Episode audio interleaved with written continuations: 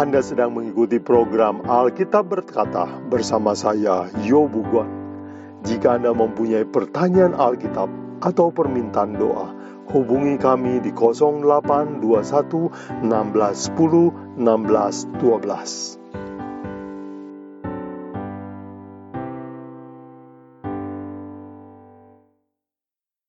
Topik kita hari ini adalah hukum ke-10 jangan mengingini. Mari saudara sekalian, sebelum kita belajar, kita berdoa terlebih dahulu. Bapa kami di surga, pemilik hukum yang suci.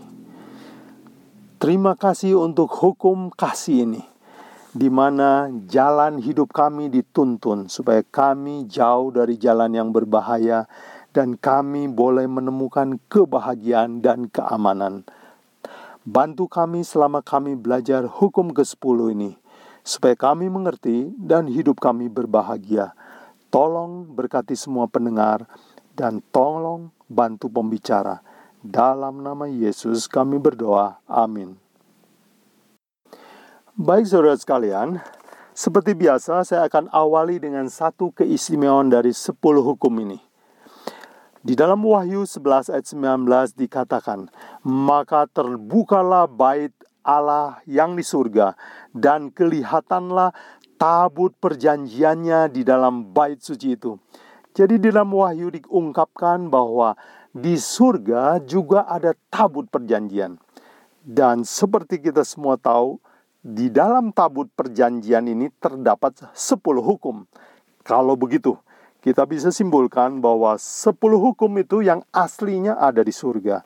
Jadi yang Tuhan beritahukan kepada orang Israel dan ditulis dalam dua loh batu kepada diberikan kepada Musa itu adalah kopian, tiruan dan itu adalah salinan yang paling sesuai dengan yang di surga.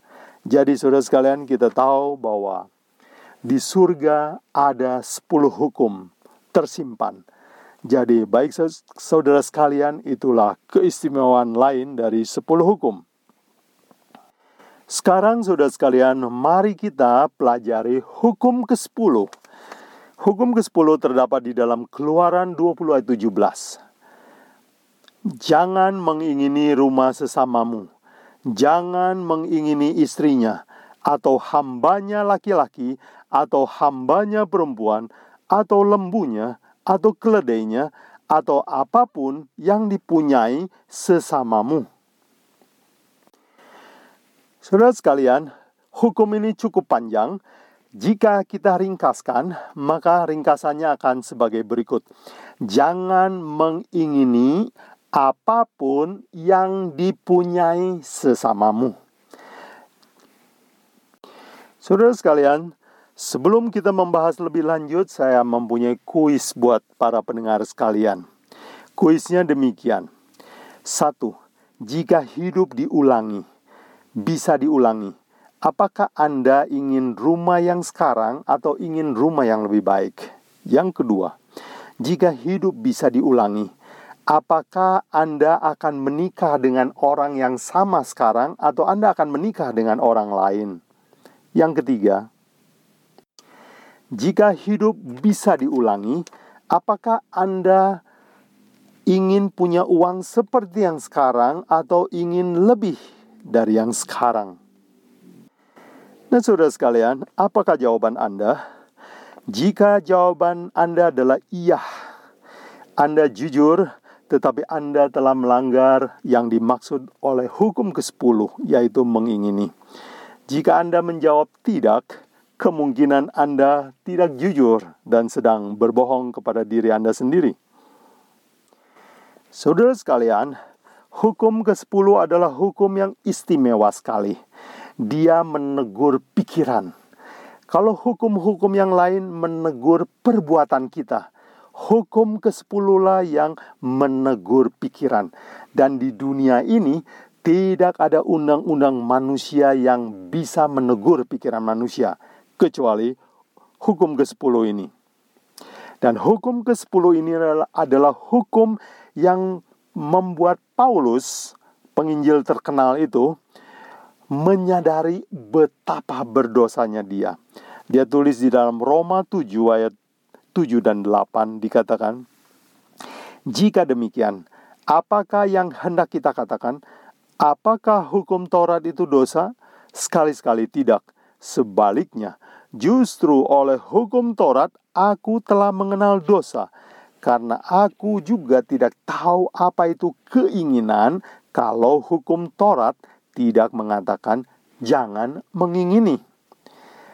Di dalam perintah itu, dosa mendapat kesempatan untuk membangkitkan di dalam diriku rupa-rupa keinginan. Jadi, saudara sekalian, hukum ke-10 kata Paulus lah yang membuat dia merasa bersalah sekali sebab kelihatan sekali banyak sekali keinginan di dalam dirinya. Bapak Ibu, Saudara pendengar sekalian, Pembahasan pelajaran kita akan kita bagi dalam tiga bagian. Bagian pertama adalah kata ingin, mengingini.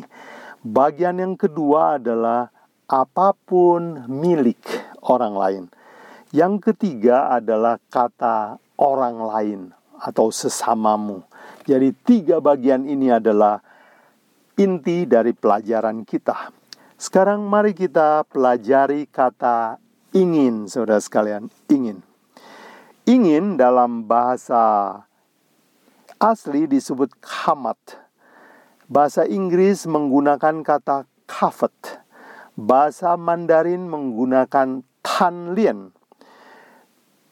Nah, saudara sekalian, di dalam bahasa Indonesia kita tidak mempunyai kata ingin, tapi yang dalam arti negatif.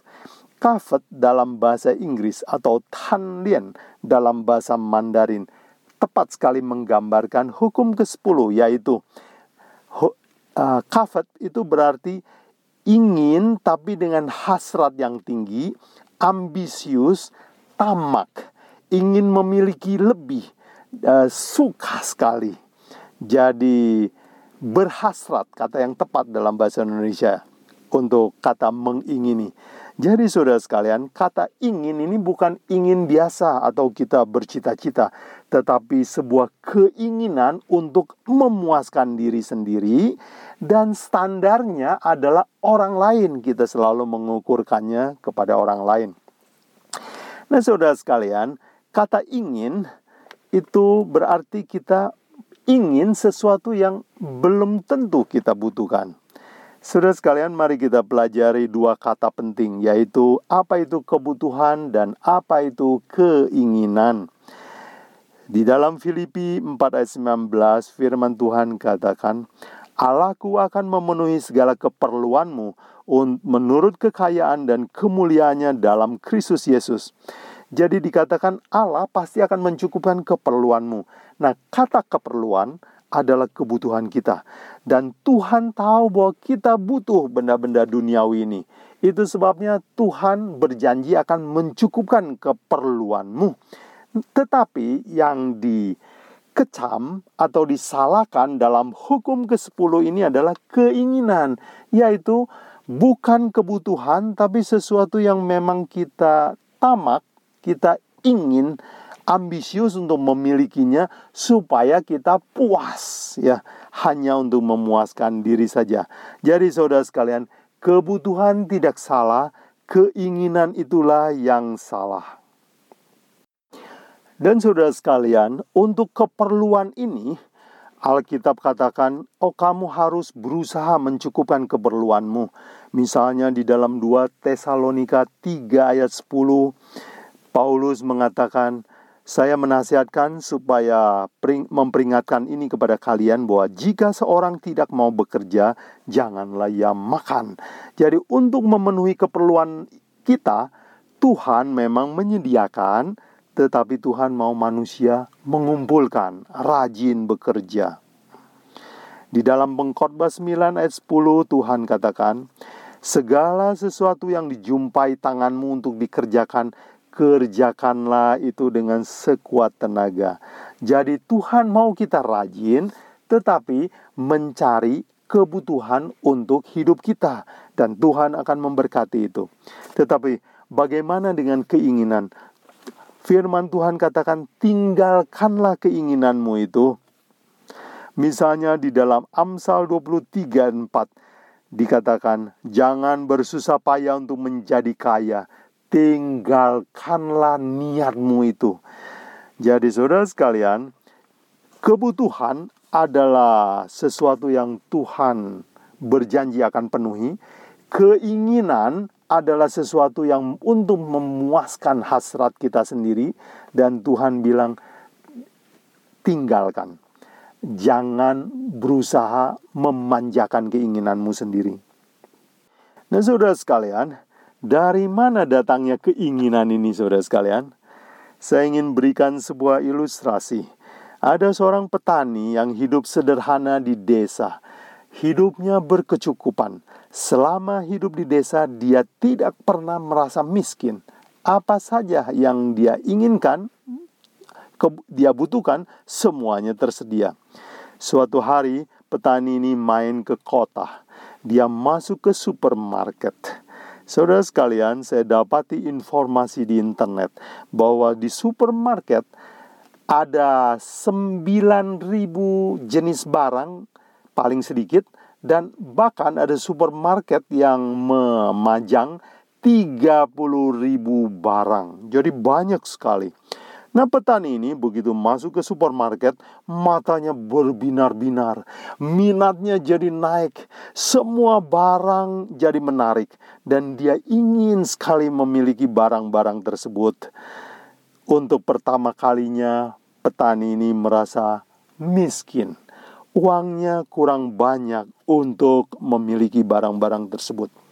Pertanyaannya, saudara sekalian, apa yang menyebabkan petani ini dari merasa cukup menjadi merasa miskin? Jawabannya adalah karena dia melihat, dia melihat lalu dia tergoda dan muncullah banyak keinginan. Jadi, Bapak Ibu, Saudara pendengar sekalian, perhatikan bahwa keinginan telah merubah kebahagiaan dari petani ini dalam waktu yang singkat. Itulah yang dimaksudkan oleh Yakobus 1 ayat 14 dan 15. Firman Tuhan berbunyi sebagai berikut. Tetapi tiap-tiap orang dicobai oleh keinginannya sendiri karena ia diseret dan dipikat olehnya. Dan apabila keinginan itu telah dibuahi, ia melahirkan dosa.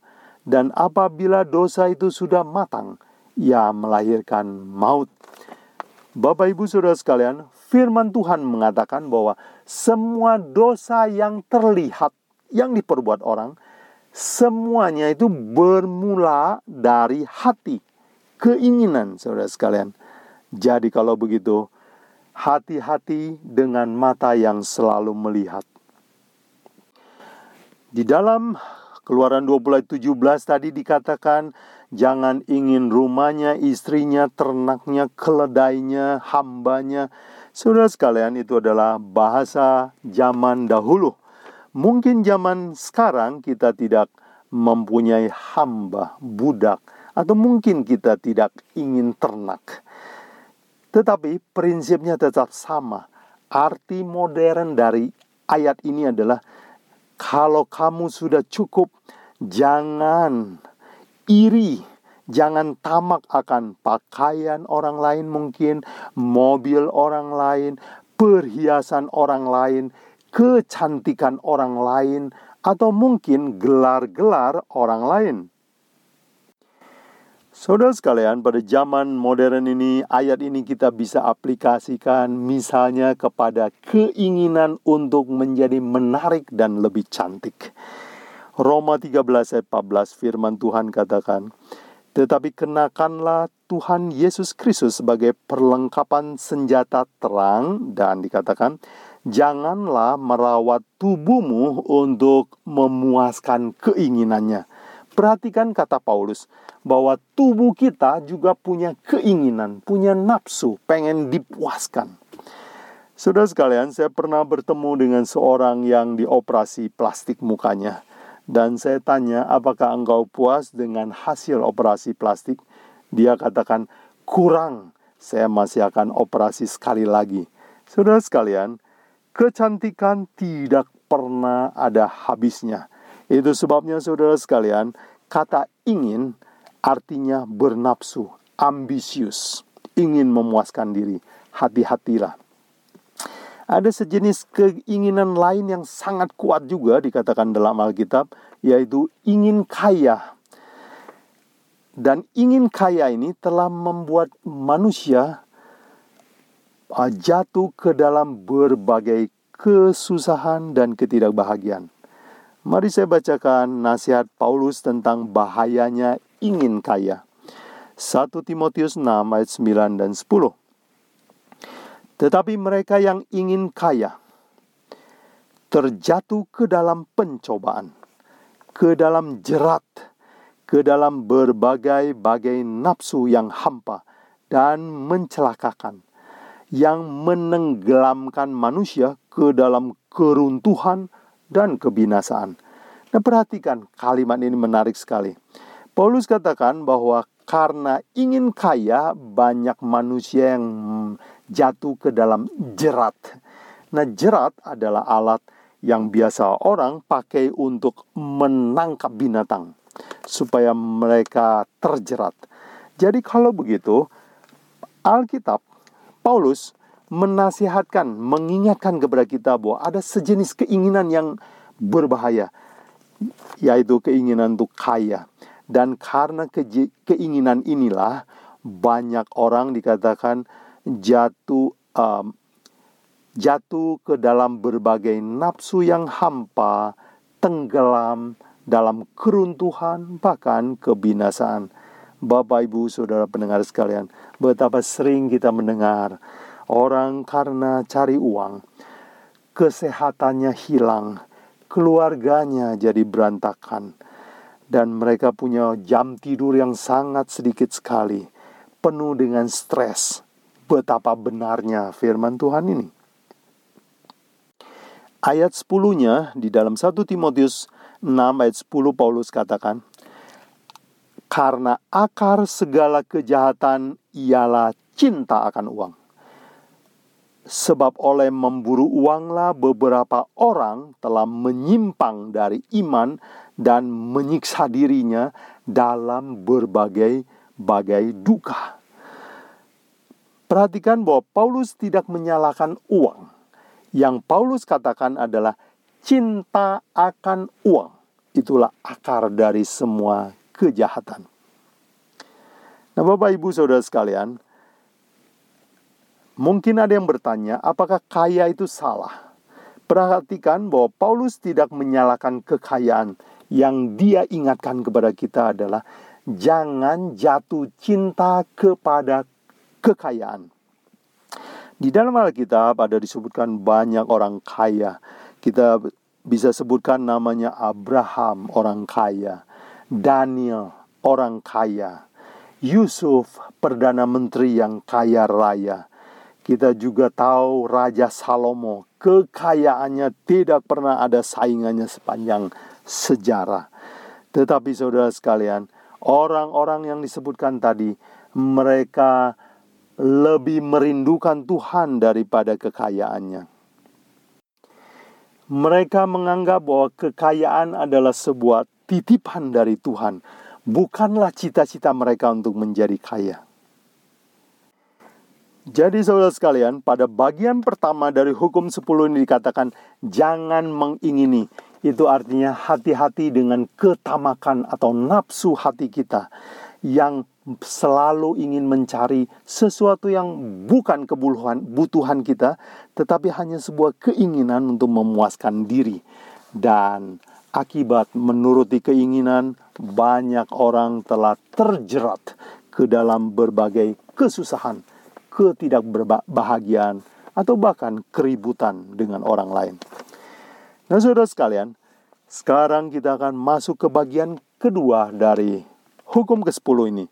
Dikatakan dalam 10 hukum ke-10 ini, jangan mengingini apa pun yang dimiliki oleh sesamamu. Sekarang bagian kedua ini kita akan membahas apa yang dimaksud dengan apa pun.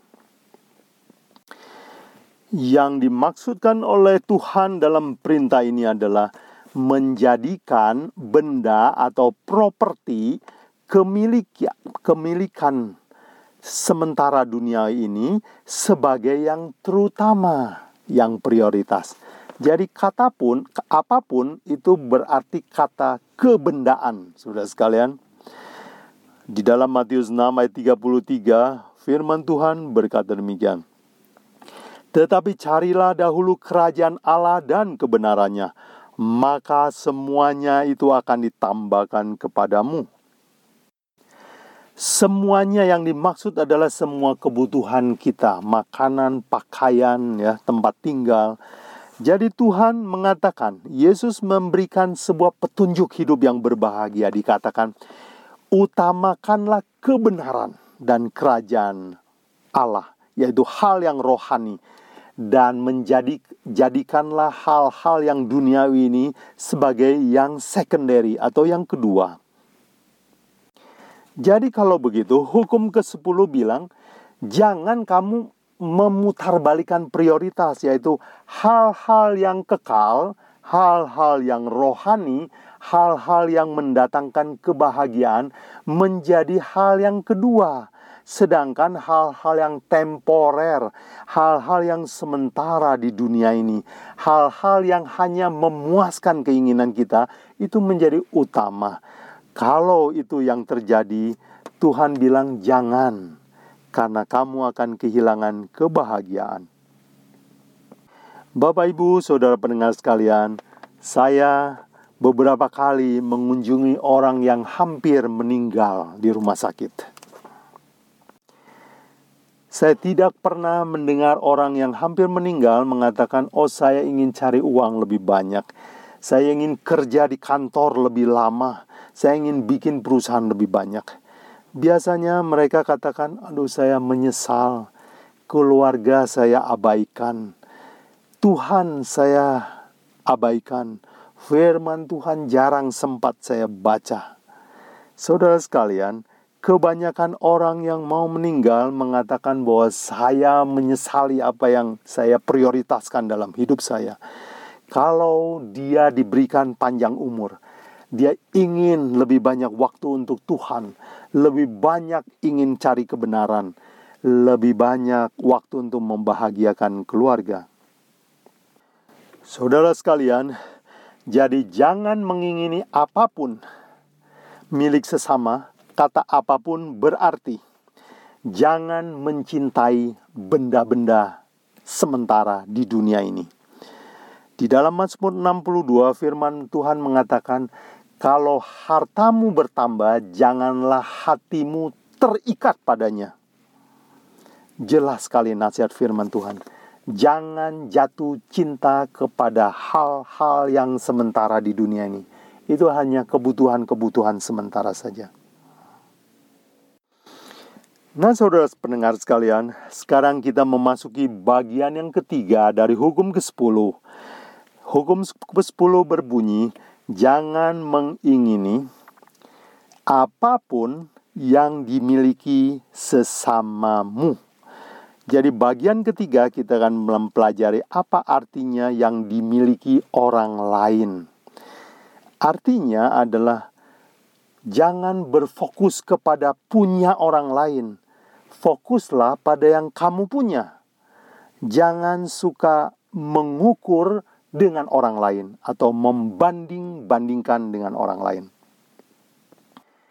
Pendengar sekalian, saya mempunyai cerita menarik.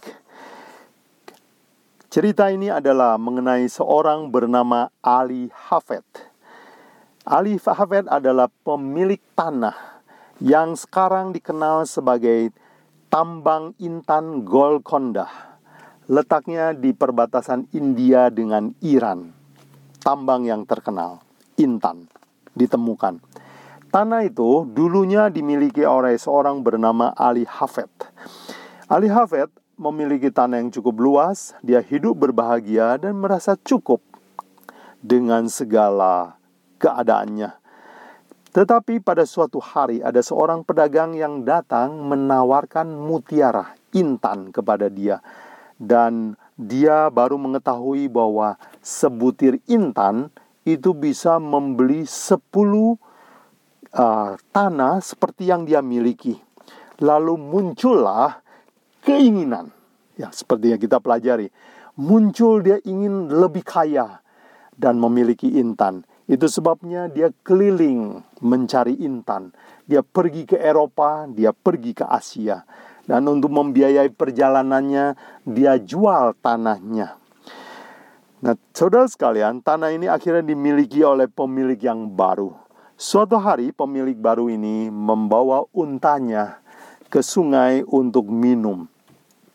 Dan di air sungai kecil ini, tiba-tiba dia mendapati ada sinar yang berkilau dari dalam air. Lalu dia coba ambil dan dia tanya kepada orang ahli dan para ahli mengatakan bahwa itu intan.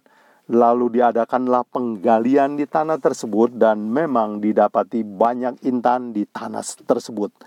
Bagaimana dengan Ali Hafed?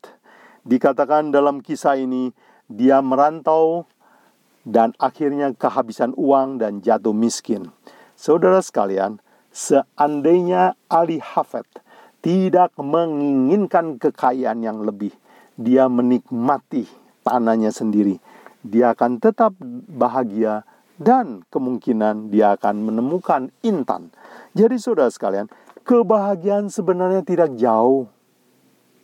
Kebahagiaan itu ada di kita. Tuhan sudah memberikannya di sekitar kita. Asal kita rasa cukup, jangan serakah, jangan mengharapkan bahwa kebahagiaan itu jauh di tempat orang lain. Sudah sekalian, membandingkan dengan orang lain akan membuat kita tiba-tiba kehilangan kebahagiaan.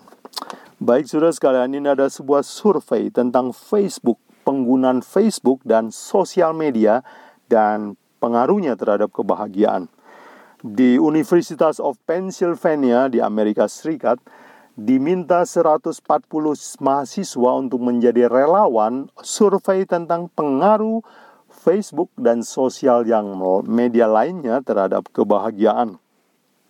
Dan didapati kesimpulan demikian, saudara sekalian, bahwa dengan seringnya membuka Facebook dan berbagai sosial media yang lainnya, mereka selalu membandingkan kehidupan dia dengan kehidupan orang lain dan didapati akibatnya sebagai berikut. Menimbulkan depresi, kurang konsentrasi, dan kurang bahagia. Nah, para ahli mulai meneliti apa yang menyebabkan semua hal ini terjadi. Mereka istilahkan dengan sebuah istilah yaitu constant upward comparison, yaitu selalu membandingkan hidupnya dengan orang lain yang dianggap lebih baik. Kita tahu bahwa di Facebook, di sosial media, banyak orang yang sering memposting hal-hal yang baik dari hidup mereka. Mungkin ada yang pergi ke luar negeri, ada yang anaknya baru tamat sekolah, ada yang baru memiliki mobil baru, ada yang baru sukses dalam pekerjaan, jadi saudara sekalian, sering kali sering membanding-bandingkan hidup kita dengan orang lain bisa menyebabkan depresi dan kehilangan kebahagiaan dalam waktu yang singkat sekali. Jadi kalau begitu saudara sekalian, janganlah membandingkan apa yang orang lain punya. Diri kita dengan yang orang lain punya. Fokuslah apa yang saudara punyai hari ini jadi saudara sekalian, sebagai bagian terakhir kita sampai kepada pertanyaan, kalau begitu apa solusinya? Mari kita baca 1 Timotius 6 ayat 6. Paulus menulis demikian. Memang ibadah itu kalau disertai dengan rasa cukup memberi keuntungan besar. Perhatikan kata Paulus, kalau ibadah kekristenan kita disertai dengan rasa cukup, yaitu kekristenan plus rasa cukup, itu untungnya besar sekali, kebahagiaannya banyak sekali. Jadi kalau begitu, solusi dari hukum ke-10 supaya kita jangan selalu mengingini barang-barang yang dimiliki oleh sesama kita dan selalu membandingkan dengan orang lain, kuncinya adalah puas, rasa cukup dengan apa yang ada padamu. Nah, saudara sekalian, bagaimana supaya rasa cukup? Saya berikan tiga tips. Tips yang ke satu adalah jangan suka membandingkan dengan orang lain. Yang kedua, fokus saja apa yang kita punya. Hitunglah berkat-berkat Tuhan yang ada pada kita. Bapak Ibu pendengar sekalian, bolehkah saya usul coba buat 10 hitung 10 berkat. Tulis 10 berkat yang Tuhan telah berikan kepada Anda. Dan yang ketiga, saudara sekalian, latih. Rasa puas bukanlah sifat alami manusia, bukan. Itu sebabnya harus dilatih. Mari kita lihat apa yang Paulus katakan di dalam Filipi 4 ayat 11. Dikatakan, Ku katakan ini bukanlah karena kekurangan, sebab aku telah belajar mencukupkan diri dalam segala keadaan. Perhatikan kata Paulus, aku telah belajar mencukupkan diri. Jadi Paulus belajar. Kalau begitu, untuk memiliki rasa puas, selain jangan suka membandingkan, selain kita selalu hitung berkat Tuhan kepada kita, yang ketiga adalah latih belajar. Nah, bagaimana kita bisa latih dan belajar? Di, di dalam ayat yang berikutnya, Paulus katakan sebuah kata, ayat yang terkenal sekali di dunia orang Kristen. Filipi 4 ayat 13, dia katakan, Sebab segala perkara dapat ku tanggung di dalam Dia yang memberi kekuatan kepadaku. Di dalam Dia yang dimaksud adalah Yesus Kristus. Jadi Paulus katakan bahwa saya bisa belajar mencukupkan segala sesuatu karena saya dibantu oleh Yesus Kristus. Segala perkara dapat ku tanggung di dalam Yesus Kristus yang memberi kekuatan kepadaku. Jadi Paulus katakan sumber dari segala rasa puas dia adalah karena dia memiliki Yesus Kristus. Jadi saudara sekalian, kunci supaya kita berbahagia, kunci supaya kita jangan melanggar hukum ke-10 yaitu kita mempunyai Yesus Kristus di dalam hati kita. Ingat di dalam hati, bukan di dalam pengetahuan kita.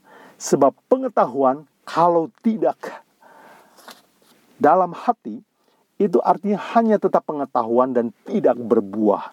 Jadi, solusi untuk hukum ke-10 adalah milikilah Yesus Kristus di dalam hatimu dan dia akan memberikan kepuasan yang sejati kepada saudara sekalian. Semoga firman hari ini menolong kita untuk menemukan kebahagiaan hari ini juga. Doa saya, Semoga para pendengar sekalian mendapatkan berkat yang terindah dari firman Tuhan hari ini. Tuhan memberkati.